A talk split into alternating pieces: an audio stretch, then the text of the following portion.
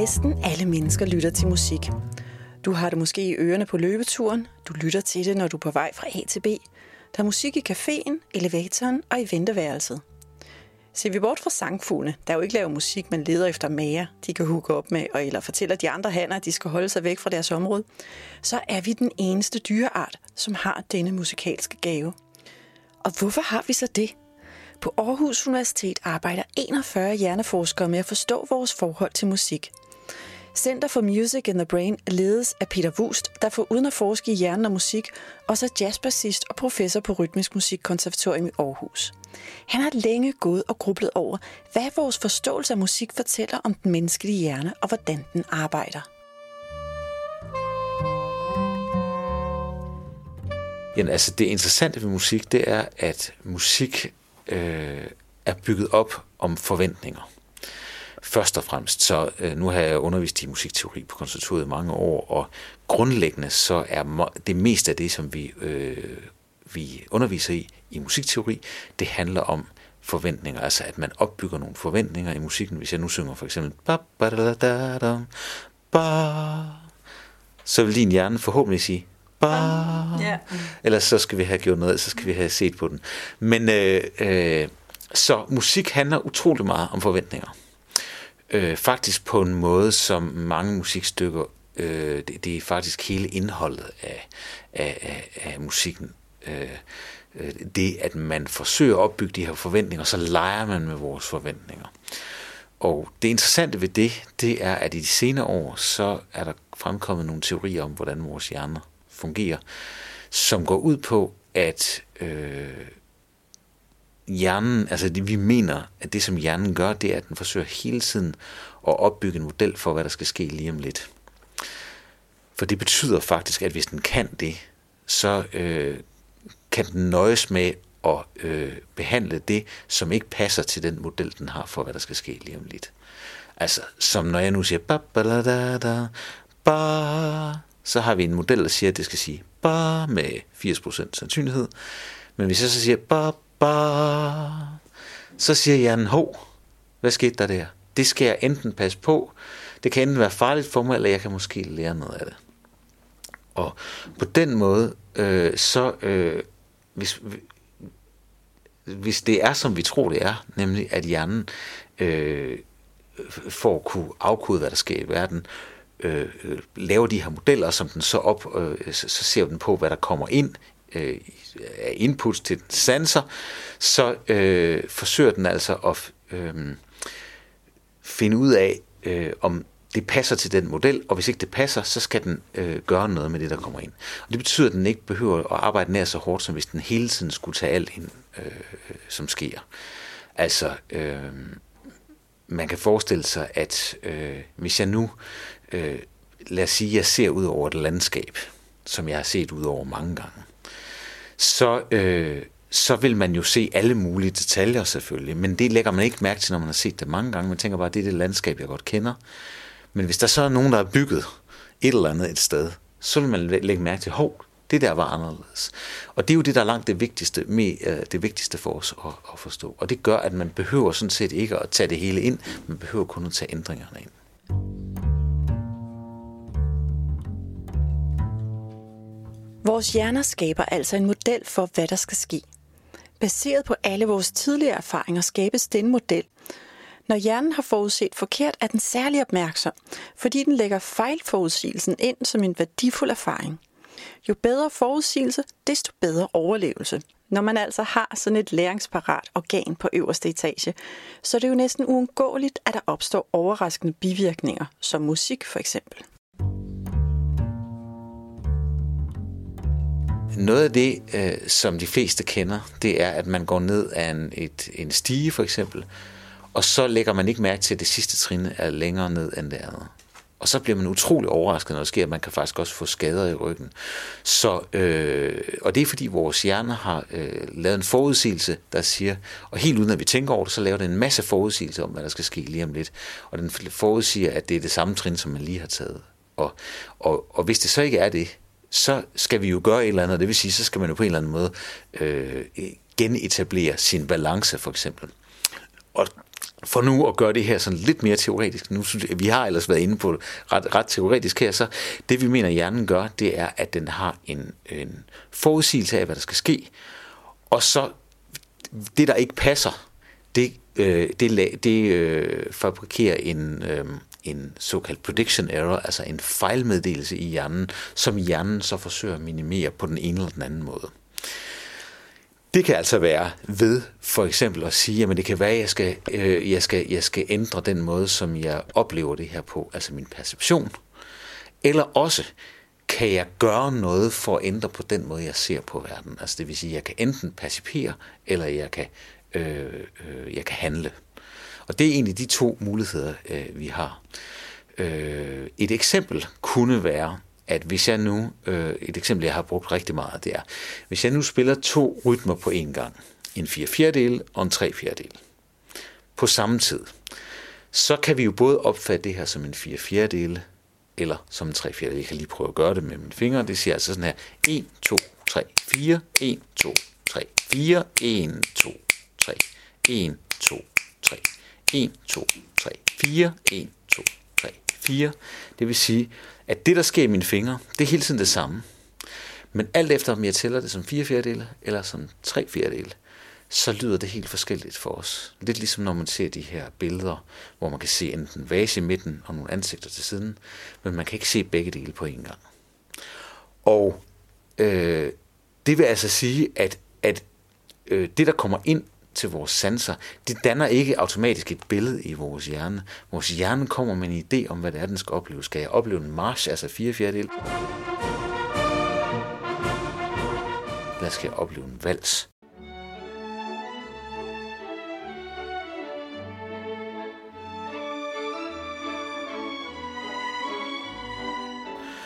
Og øh, det afgør fuldstændig, hvordan vi oplever det, øh, oplever det, der sker her. Men det er klart, at med sådan en kompleks rytme her, så er der hele tiden noget, hvor hjernen siger, jamen, passer nu den her model, jeg har for det? Er det nu en 3 fjerdedel? Og så kan det jo godt være, at der er noget i musikken, der peger på, at det faktisk var fire fjerdedel, og så ændrer man den måde, man, man tænker på det på.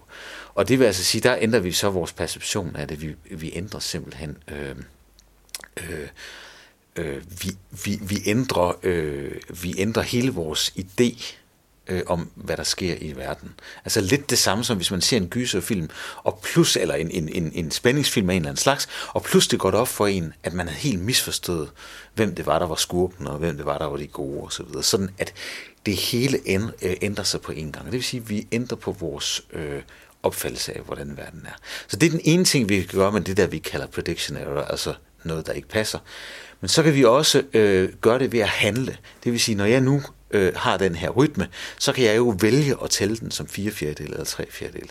Man skal godt nok have øvet sig på det, for at kunne gøre det. Men altså, hvis man nu prøver at høre det igen, så kan, jeg lige, så kan man prøve at se, hvordan det skifter lyd, når jeg, når, jeg, når jeg skifter fra at tælle det som 4 fjerdedel til at tælle det som 3 fjerdedel. Altså 1, 2, 3, 4, 1, 2, 3, 4, 1, 2, 3, 1, gadang, gadang. Ja, ja. Se, det ændrer ligesom lyd.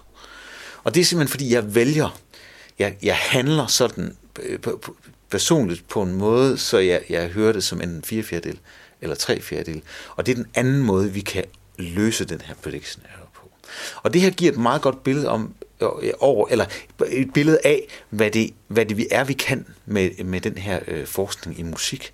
Fordi udover at vi selvfølgelig kan øh, forstå musik på et dybere niveau, forstå hvorfor musik rører os som mennesker, og, og øh, kan få os på dansegulvet og øh, få os til at opleve de her dybe følelser, som, som vi meget ofte får gennem musik, så kan det altså også fortælle os noget helt basalt om, hvordan vores hjerner virker, fordi det er så stærkt bundet op på det der med forudsigelse af, hvad der skal ske lige om lidt.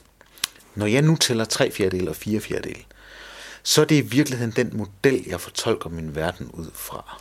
Jeg hører et stykke musik, og så siger jeg, det må være, så siger min hjerne automatisk faktisk, det her må være, en, det må være fire fjerdedel. Øh, og så fortolker den musikken ud fra de fire fjerdedel. Og fire fjerdedel, det er faktisk helt en forudsigelse af, hvad der skal ske lige om lidt. Hvis jeg tæller 1, 2, 3, 4, 1, 2, så fortsætter hjernen med at tælle på den måde. Og faktisk, der er struktur i det her. Det vil sige, der er stærk, svag, stærk, svag, stærk, svag, stærk, svag. Så der er en slags forudsigelse af, hvad der skal ske lige om lidt. Hvorimod en tre fjerdedel er en anden måde at forudsige fremtiden på. Den lyder sådan her. 1, 2, 3, 1, 2, 3, da, da, da, da, da, og så videre, og så videre. 1, 2, 3, stærk, svag, svag, stærk, svag, svag. Så har vi en model for, hvad der skal ske lige om lidt. Vores hjerne har en model, og det er det, den fortolker øh, verden ud for. Og det er derfor, at den samme rytme lyder forskelligt, alt efter om vi tæller det som 4 fjerdedel eller 3 fjerdedel. På præcis samme måde kan jeg tage en melodi, se den lille kattekilling, som du og jeg ved er i dur, men hvis man nu kom fra en kultur, hvor, hvor det her var en målsang, det kunne det nemlig sagtens være, hvis jeg skiftede grundtonen ud, så har vi faktisk også en grundtone kørende i hovedet, uden at vi ved det, når vi lytter til et stykke musik. Det vil sige, at vi har også en model, en forudsigelsesmodel, det er bare på det tonale plan, der siger noget om, hvordan, hvad skal vi forvente, der kommer lige om lidt i forhold til det. Så musik har den her, øh, det her, vi kalder predictive coding, som er den teori, som rigtig mange tror på nu om dagen i forhold til, hvordan vores hjerner fungerer. Det har det her, det er et, et, øh, et, en, en model for at studere predictive coding, altså hvordan hjernen forudsiger fremtiden.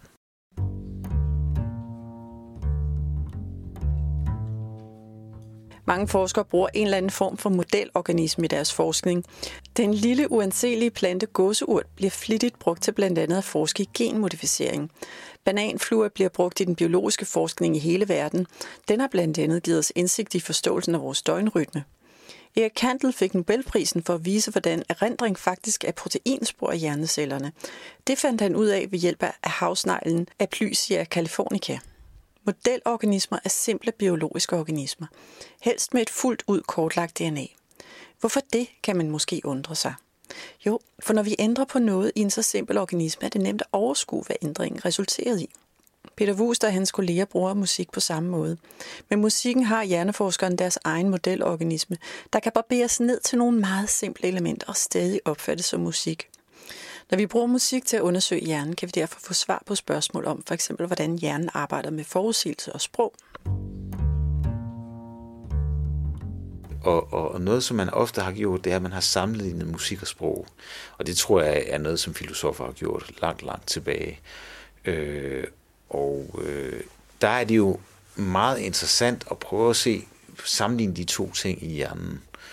Øh, det, det er ikke noget, der er særlig nemt at gøre, men, men der er rigtig mange forskere, der har forsøgt at gøre det. Og der, noget af det, som man kan se, det er, at musik, for eksempel harmonier i musik, altså akkorder, øh, de følger jo sådan nogle mønstre, i hvert fald i den vestlige verdens musik.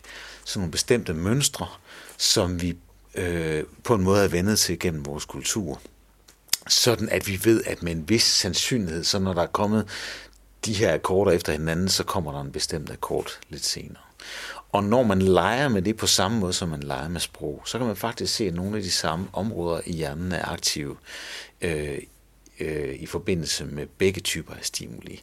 Det er ikke fordi musik nødvendigvis er det samme som sprog for hjernen, men det tyder på, at der er nogle mere generelle mekanismer i hjernen, som både kan afkode en, en sproglig grammatik og en øh, øh, en musikalsk grammatik, hvis man vælger at kalde det det. Øh, og det er også noget af det, som vi har været meget interesseret i at se, jamen, hvad pokker, hvordan, hvor, er det så de samme steder, er det præcis de samme steder i hjernen, eller er det nogle andre steder øh, i hjernen? Og noget af det, som man har diskuteret meget, det er om, vi ved, at, at mange af, at meget af den behandling, der foregår i hjernen af sprog, det er det foregår i venstre side af hjernen. Altså typisk, hvis folk får en blodprop, blodprop i venstre side af hjernen, så øh, inficerer det deres sprog. Men øh, øh, der har det egentlig været en gældende teori lang tid, at musik måske var mere til højre i, i hjernen, men nogle af de samme strukturer, sådan at øh, altså hjernen er jo egentlig symmetrisk, eller næsten symmetrisk, og hvad hedder det, øh, det, det, som så var den oprindelige idé, det var, at hvis vi har de her strukturer i venstre side af hjernen, der, der er forbeholdt sprog, så er, er musik til højre, højre i hjernen. Men jo mere vi kigger på det, jo mere kan vi se, at, at specielt hvis man for eksempel øh, bliver en øh, dygtig musiker eller øver sig på sit instrument, så kan man sagtens have nogle af de her, øh, involvere nogle af de her områder til venstre i hjernen. Det betyder ikke nødvendigvis, at de gør det sammen. Det betyder bare, at den idé, man havde før i, i tiden om, at, øh, at musik og sprog var adskilt moduler i hjernen, den holder nok ikke fuldstændig stik. Der er i hvert fald ikke de, de øh, indiser, man havde på det før, de, de, de passer måske ikke helt. Det kan godt være, at det er sådan, men, men øh, der er meget, der tyder på, at der måske er nogle mere, altså at, at der er et vist overlap, det vil sige, at der er nogle, der måske er nogle mere generelle ting på spil. Øh, et område, som, hed, som hedder Brokas-området, som man i hvert fald for mange år siden tænkte, jamen det, det var først og fremmest sproglig syntaks det ved vi nu er involveret i en masse forskellige opgaver, måske mere har noget at gøre med at sætte ting i den rigtige rækkefølge, og det kan være musik eller sprog eller, eller hvad det er. Så, så øh, den her, øh, det her med at, at have sådan noget som musik som en model for at forstå hjernen, det kan være utrolig effektivt til at, øh, at aflure hjernen, øh, hvad det egentlig er, den gør. Ja, nu har vi så snakket om, at hjernen Altså det giver også rigtig god mening, at hjernen er den her forudsigelsesmaskine. Ja. Øh, fordi det sparer jo rigtig meget energi. Hvis jeg ikke skal gå og hele tiden producere, hele tiden tage alle, alt ind, for så bagefter at tage en mening ud af det, det kræver jo enormt kognitive ressourcer og, ja. og energi. Så giver det jo meget bedre mening, at, man, at hjernen ligesom bare hele tiden har et gæt, og så er det undtagelsen, der bekræfter reglen så at sige. Ikke? Ja, og som dyr er vi jo vanvittigt gode til at lære noget. Altså det er jo i virkeligheden det, når vi lærer noget, så lærer vi, en, så lærer vi modeller, som når vi så har lært dem, så kan vi dem bare. Altså, og det sparer energi. Og det sparer virkelig energi, ikke? Og vi ved jo alle sammen, altså, at, altså vi, tager, vi tager godt nok mange år om lære til mange ting, ikke? Altså hvis vi nu tænker på sådan noget simpelt som at komme over vejen. Det, som man i virkeligheden gør, når man går over vejen, i hvert fald hvis det er en befærdet gade, det er, at man regner ud, hvor de andre øh, bilister, cyklister og trafikanter vil være om lidt, når man selv er på det samme sted. Og det lægger man faktisk ikke mærke til, at, at hjernen foretager alle de her beregninger. Men, men når man øh, er, er blevet voksen, så kan man jo øh, gå over vejen og spise en burger og, og øh, tale telefon og, og ikke, ikke tænke overhovedet over, at man kommer helt øh, sikkert over vejen. Men det er jo ikke noget, man kan, når man er fem år. Altså det tager mange år, før øh, forældre bliver helt trygge ved deres børn er i trafikken. Og det vigtige der, det, det er jo at forstå, at mange af de ting, som vi opfatter som utrolig simple og naturlige, også det at bevæge os øh, til musik i takt, det er sådan noget, der tager lang tid for hjernen at, at, at forstå. Det er faktisk ikke, ikke nemt at gøre, hvis man skal have en computer til at gøre det. Øh, øh så, sådan noget helt simpelt som, altså lad os sætte, hvis man sætter et stykke musik på, og så få en computer til at bevæge sig i takt til musikken. Det er der stadigvæk forskere, der arbejder på, fordi det er simpelthen ikke nemt, og det sjove det er, at dyrene, de kan det heller ikke. Men, men det er jo simpelthen så naturligt, så man tænker, men hvorfor skulle man undersøge det? Hvorfor er det forskningsmæssigt interessant? Det er det simpelthen, fordi det er et mysterium, at vi kan. Så det kunne være en af nøglerne til at det er en af forstå nøglerne. hjernen? Ja, det, det er en af nøglerne til at forstå hjernen, og, og, hvad hedder det, øh, og det er noget, som vi har været rigtig interesseret i. Øh, hvordan pokker det kan lade sig gøre, at, at hjernen kan gøre det her. Altså, vi kender nogle ganske få dyr, som man kan lære at bevæge sig i takt til musik. Der er nogle papegøjearter, der kan. Der er en, der hedder Snowball, man kan gå på nettet og se den, som kan danse til, jeg tror det er et nummer af Backstreet Boys. Øh, den der Everybody. Så, kan så bevæger den sig, og den ligefrem headbanger også, den hedder, ja, ikke? den har jeg set. Men den har du sikkert set. ja. Men, men øh, faktisk så den originale video, der er derude, der kan man se, at der står en person og bevæger sig i takt. Så spørgsmålet er, om den bare i virkeligheden øh, øh, forsøger at gøre det samme som, som, som den, der står over, den person, der står over for den. Det ved man ikke rigtigt, men, men lav så et forsøg, der er mere kontrolleret, der kan man se, at den kan faktisk godt bevæge sig i takt, og man kan godt sætte øh, øh, tempoet lidt op og ned, sådan at man, den kan også øh, den, den, den kan også forholde sig til tempoet. Øh, men den er ikke særlig god til det. Den er faktisk altså, ret elendig. Øh, og den kan slet ikke gøre det, som vi andre kan, nemlig øh, forstå, at det siger stærk, svag, stærk, svag. Det troede man faktisk først, den kunne, men det kan den ikke. Øh, og nu har man fundet en søløv, der kan bevæge sig øh, til det også, men, men, øh, og den er, den er rigtig god til det, men, men den, det har taget dem utrolig lang tid at lære den det. Jeg tjekkede ud. Kakadun Snowball er et underholdende bekendtskab på YouTube. Den rejser hovedfjerner, headbanger og rocker igennem til et stort repertoire musik. Også Queens Another One Bites the Dust. Her bliver han faktisk lidt usikker på rytmen, da der er et lille mellemspil, men så falder han ind i rytmen igen.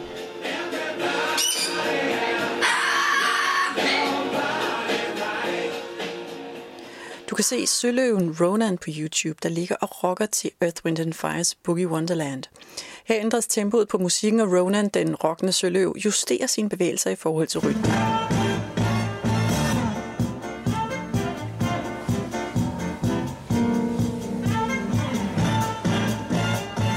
Forsøget lægger Ronan ud med at rock til den oprindelige sang, så sættes tempoet ned, og man kan ligesom se, at Søløven flere omgang er lidt for hurtig og nødt til at korrigere sin rytme, og således fortsætter klippet på YouTube. Ronan er i stand til at justere sin rytme og rocke i takt med de forskellige udgaver af Boogie Wonderland, både hurtigere og langsommere. Men umiddelbart virker Søløven nu mere interesseret i belønningen, som den får, når den har løst opgaven, ind i at rock til musikken. Der er altså ikke noget, som tyder på, at den af egen drift vil tage til koncerter, danse til musik og få glæde og velvære ud af det. Så det, det, det er ikke sådan noget, de bare gør af sig selv, og, det, og øh, de fleste af dem bliver ikke ved med at gøre det, når man stopper musikken. Det kan vi jo, vi kan jo sagtens blive ved med at bevæge ja. os i og holde rytmen til noget. Så, så det er en helt speciel menneskelig egenskab, og øh, øh, det sjove ved det er, det er jo noget af det, der giver rigtig mange mennesker stor oplevelse med musik. Altså det der med, at man sidder i en stol, og man kan simpelthen ikke sidde stille. Og det tror vi er et, øh, et udslag af det her, vi kalder predictive coding. Det der med, at vi vil gerne forudsige fremtiden på en måde, så vi kan bevæge os i takt til den. Altså 1, 2, 3, 4 vil gerne gå i takt, fordi sådan er, er vores motoriske system indrettet. Men det auditive system, det er hvor lyden kommer ind, det siger hele tiden, at rytmen siger dat, dat, ga, dat, gat, ga, ga. For eksempel det, vi kalder synkoper, altså noget, der ikke ligger på de fire slag. Og når vi hører de der synkoper, så siger hele vores hjerne til os, nu skal du altså bevæge dig i takt til, til, til, til de her synkoper, og det er forkert, det der kommer ind. Nu skal du gøre noget, altså handle, for at få den her, øh, det her, den her fejlmeddelelse, der kommer ind fra det her auditive system i hjernen. Det, det skal du gøre noget for at, at, at få opløst. Og så kan vi ikke lade være med at bevæge os til øh, musikken. Så det er i virkeligheden noget, der sker inde i hjernen mellem de motoriske systemer og, de, og høresystemerne. At høresystemet får den her lidt, øh, lidt irriterende rytme ind, altså for det, for, for det motoriske system irriterende rytme ind, og så motoriske system siger, det, det er sådan her, det er. Og så står de faktisk og har en, øh, en lille dialog, konstant dialog, som gør, at, at vi bliver nødt til at bevæge os øh, til musik. Det, som kunst kan, det er, at det kan skabe en fejl i forhold til vores modeller for at opfatte virkeligheden, som bliver ved med at være der, som vi ikke kan opløse, og derfor bliver vi ved med at interessere os for kunst. Og derfor bliver vi i virkeligheden, øh, øh, det er en, en af kunstens øh, øh, øh raison d'être, det er, at den kan få os til at blive ved med at vende tilbage til noget, som, som piger os, noget, som, som kan være vigtigt for os. Noget, det gør ting vigtige for os ved at skabe en fejl, som vi ikke kan løse. Fordi nu sagde du, sagde, jeg tager lige fat i det, du sagde, nemlig ja. at det piger os, fordi hvis vi, hvis vi taler lidt hjernekemi, så sker der jo noget. Altså, når, når, når, vi, når hjernen gætter rigtigt, så får vi et lille skvæt dopamin, og så får vi en lille belønning. Og samtidig, altså hjernen er jo netop kodet til den der, og belønne, når vi gør det, der er meningsfuldt. Ikke? Ja, altså, altså øh, man, kan jo, man kan jo studere hjernen på mange niveauer. Og øh, en af de ting, som som regel er meget nemt for folk at forstå, det er, at hvis der kommer af en eller anden grund, jeg, jeg, har, jeg synes, det er svært at forstå, men, men, men, men det, at der er nogle kemiske balancer i hjernen, der ændrer sig, altså at der for eksempel kommer mere dopamin ud i vores hjerne, det, det, det er måske nemt at forstå, at det kan, det kan ændre vores humør og belønne os og så, og, og så videre. Og øh, det, der, det vi ved fra en del af den forskning, der er blevet foretaget, den tidlige forskning faktisk i musik og hjerne, det er, at øh, når hårene rejser sig på armene, er os, det løber koldt ned ad ryggen, simpelthen ja. chills, musical chills hedder, hedder det sådan øh, i fagsproget. Og, og, og der øh, har man vist i adskillige forsøg, at det betyder, at der kommer mere dopamin ud i vores, øh, vores hjerne, i de der dybliggende kerner, som har med belønningssystemet at gøre. Og det påvirker nogle, nogle øh, centre, der hedder nucleus accumbens for eksempel, som er sådan meget kendt belønningscentre, og, og sandsynligvis også noget i den frontale del af, af hjernen, som hedder den orbitofrontale cortex, som sidder lige over øjnene. Og det vil altså sige, at vi kan se, at de her store oplevelser, som mange mennesker har med musik, sandsynligvis gør, at vi får mere dopamin ud i vores hjerner. Og dopamin er jo sådan et, et stof, som, som jeg, jeg tror, hvis man skulle, altså, hvis man skulle, øh, det mest præcise, man kan sige om dopamin er, det er et læringsstof. Altså det er noget, der, der hele tiden sørger for, at vi lærer, det belønner os, når vi, når vi gør forskellige ting. Det lærer os, at det er godt for os at gøre forskellige ting. Ja, det er også en driver, ikke? Det er en driver, det, det, er, en motiv, det er en motivation, der kommer fra, øh, fra do, do, dopamin, blandt andet. Dopamin har mange forskellige funktioner, men, men det vi ved, det er, at øh, fra nogle abeforsøg, det er, at når aberne de forudsiger korrekt, så får de dopamin. Man gør egentlig det, at man skærer et hul i kranet, og så, øh, finder, så stikker man nogle elektroder ned og finder dopaminneuroner ned i hjernen. Det man så gør, det er, at man giver den en lille smule juice, så når man har øh, gjort den det, så, altså, når man gør det, så får den sådan et dopaminudslag øh, så begynder man at blinke med en lygte ganske kort tid før. Og så kan man se, at man stille og roligt betinger det her, sådan at dopaminsignalet flytter fra øh, der, hvor det får juice, til der, hvor man blinker. Altså, hvor man blinker lidt øh, før. Sådan lidt ligesom Paulus hunde, ja, du ved, det er fuldstændig ja. det der øh, betingning. Og det vil altså sige, at vi kan se, at nu, forudsiger, øh, nu, får den ikke, nu får den ikke dopaminen, når den får belønningen. Fordi nu har den forudsagt, at det er der, den får belønning. Og hvis man så ikke giver den belønning, så falder dopaminniveauet. Hvis man så giver den noget andet juice, end det den havde forventet, så får den både belønning, når den øh, hvad hedder det, øh, forudsiger, og når den får det andet juice, hvis den kan lide det vel at mærke. Det vil sige, at, at hele det her spil, det sørger for, at vi øh, lærer at forudsige, hvad der skal ske lige om lidt, men det gør også nysgerrige i forhold til, om der skulle være noget andet, der kunne give os noget mere dopamin. Og det ved man faktisk også fra de der abeforsøg, at det, det er, at selvom den har lært, at når den trykker på den ene knap, det er altså der, der er størst sandsynlighed for, at den får, øh, den får lækker juice, så en gang imellem, så prøver den alligevel den anden knap. Det kunne jo være, der var noget, der havde ændret sig. Og, og det er jo rigtig, rigtig praktisk i forhold til, at man kan lære noget. Så dopamin er et slags læringsstof, det lærer os at forudsige korrekt. Men dopamin er altså også det, som musik leger med. Og så kan man måske nu forstå, hvorfor, hvorfor musik øh, er så, så stort for os som mennesker, fordi det er totalt bygget op om det her med at skabe forventninger og lege med de forventninger, sådan at vi både kan få dopamin på vej hen mod, at der sker noget, som, som er spændende lige om lidt, og så kan vi ved, at man leger med, om vi så får det, vi forventer, eller vi får noget lidt andet, så kan man rent faktisk også give os, så, så kan hjernen også øh, få, få dopamin øh, på det der øh, tidspunkt. Så, så det er sådan en slags øh, en leg med vores belønningssystem.